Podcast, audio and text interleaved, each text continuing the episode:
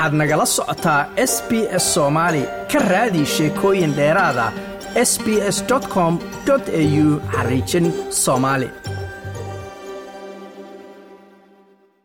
xasanow waxaa loo arkaa kulankan kulan ay labada hogaamiye aada iskugu soo dhow yihiin iskuguna soo dhowaadeen ayna xariiqeen muxuu ahaayey wada shaqayn ay ku tilmaameen aan horey loo arkin boqolkii sane ee la soo dhaafay. Marka wuxuuna ku nuxnuxsaday madaxweynaha shiinaha g in uu yiri waxaynu hogaaminaynaa buu yidhaahday.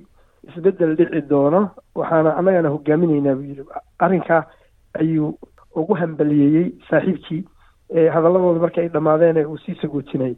Marka waxaa la arki karaa inay aada iskugu soo dhawaanayaan iskaashi ganacsi mid military mid maxay aheeday diblomaasi dhan walbaba in ay mataqaanaay aada iskugu soo dhawaan. Waxaa kaloo xusid mudan in horay dagaalka ukraine intuusan dhicin ka hor ay labada hogaamiye ku baaqeen in ay yeelan doonaan xiriir aan xad lahayn.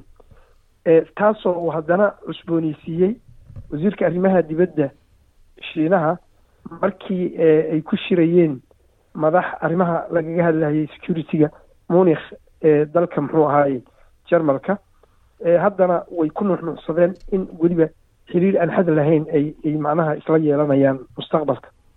Waa gartay marka kulankan wuxuu ku soo aadayaa iyadoo putin dalalka reer galbeedka iyo dalal badan caalamka ay go-doomiyeen siyaasiyan china xaggee iyadu ka taagan tahay dagaalkan ukraine china waxay iska dhigaysaa iyada inay dhexdhexaad ka tahay waxayna iska dhigaysaa inay nabad dooneyso inay uhorseedo sidaan ognahay xilliga aan kuu sheegahayey shirka security-ga ee ka dhacay munikh wasiirka arrimaha dibadda ee shiinaha uu ka qayb qaatay wuxuu ku eedeeyey reer galbeedka inay ayaga yihiin kuwa aan dooneyn in ukraine ay wadahadal la gasho muxuu ahaye ruushka wuuna ku ballan qaaday soo jeedin ay soo jeedisay dowladda shiinaha oo ah dhexdhexaadin ama wadahadallo nabadeed qodobo ka kooban laba iyo toban. Inta badan qodobadaas runtii wax mataqaanaay khaas ah kamayna dhigaynin. Si guud bay macnaha u hadlayeen. Tusaaleahaan midka koowaad oo kale waa in yacni la ilaaliyaa siyaadada qaran ee dowladaha. Marka mayna magac dhabin ruush mayna magac dhabin muxuu ahaayey ukraine reer galbeedkuna arrinkaasi maynan macnaha macno weyn kamayna soo qaadin. La taliyaha amniga madaxweyne biden jake sullivan wuxuu kaga jawaabay buu yidhi qodobka qodobka horeba ayaa qorshahan ruush shiinaha uu waday ayaa toogtay buu yidhi. Marka halkaas ayay ku iyagu kaga tegin. Laakiin weli madaxweynaha ruushka hadda markii ay wada kulmeen dhigiisa wuxuu sheegay in ay tahay bandhiga uu soo bandhigay shiinaha in dhexdhexaadin uu sameeyo ay tahay tilaabo in macnaha reer galbeedka ay dhegeystaan ay tahay oo wax ku ool ah. Waa gartay maxamedo ma dhihi karaa chinesku si gaaray u fiirinayaan ama isha ugu hayaan dagaalkan ukraine iyo sida weliba reer galbeedku ay uga jawaabaan iyadoo laga shaki qabo inay dhici karto in chinesku ay isku dayayaan inay mar uun jasiiradda taiwan oo ay ku doodaan inay qeyb ka tahay ay mar uun weeraraan oo xoog ku qabsadaan. Waa la dhihi karaa dabeecadaha iyo qaab dhaqanka shiinaha runtii arrinkaa waa laga dhedhaminayaa toos wuxuu xulafo oo leeyahay ruushka.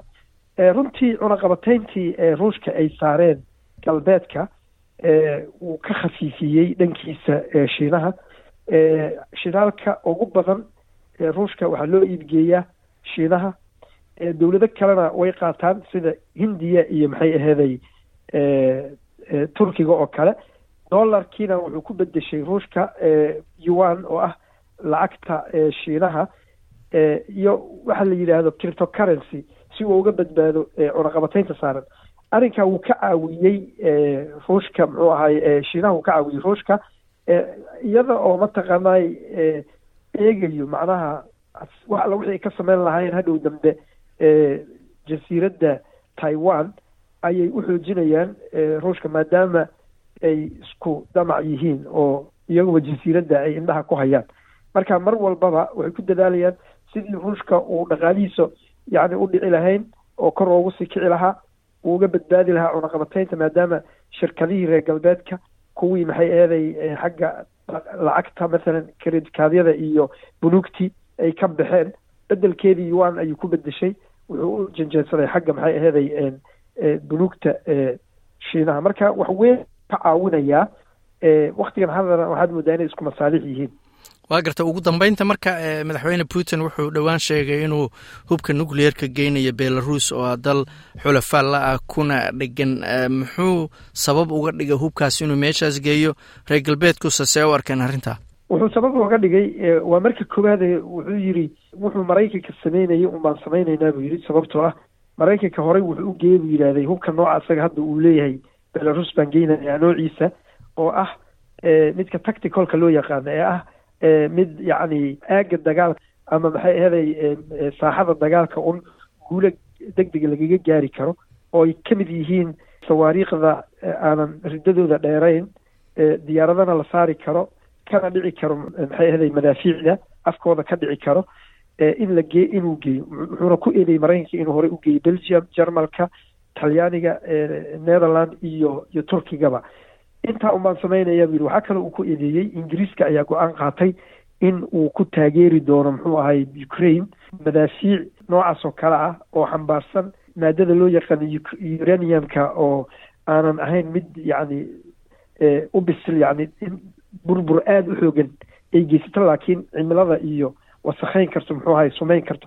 Marka taas kaga jawaabideeda kaga jawaabayay buu go'aankan u qaatay ruushka. Waxaa kaloo uu sheegay in uusan qaraarka caalamka ee filinta technolojiyada ama hubka nuclearka ah. Waxaan loo yaqaanaan proliferation. Ma khuseeyaan hubabkan tactigada ah.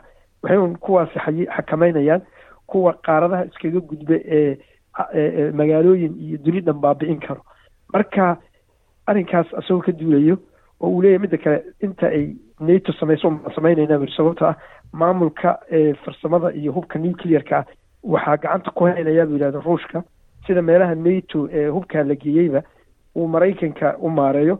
Marka waxba dhibaato kama imaanayso weda xagga caalamka laakiin waxaa arrinkaasi cad oga jawaabay madaxweyne ku-xigeenka hore ee ruushka haddana ah ku-xigeenka hoggaanka amniga qaranka ruushka medvedev oo yidhi mar walba oo galbeedka ay hub siiyaan ruushka waxay soo dhaweyneysaa buu yidhahda dagaal nuclear ah digniinta iyadii faraha badnaydna dheg jalaq way usiin waayeen buu yidhahday reer galbeedka.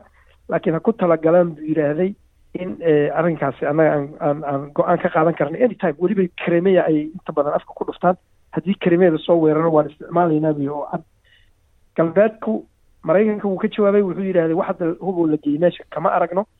Ukrainena waxay yidhaahdeen ruushku wuxuu u isticmaalayaa waxaan la yidhaahdo nuclear blackmail.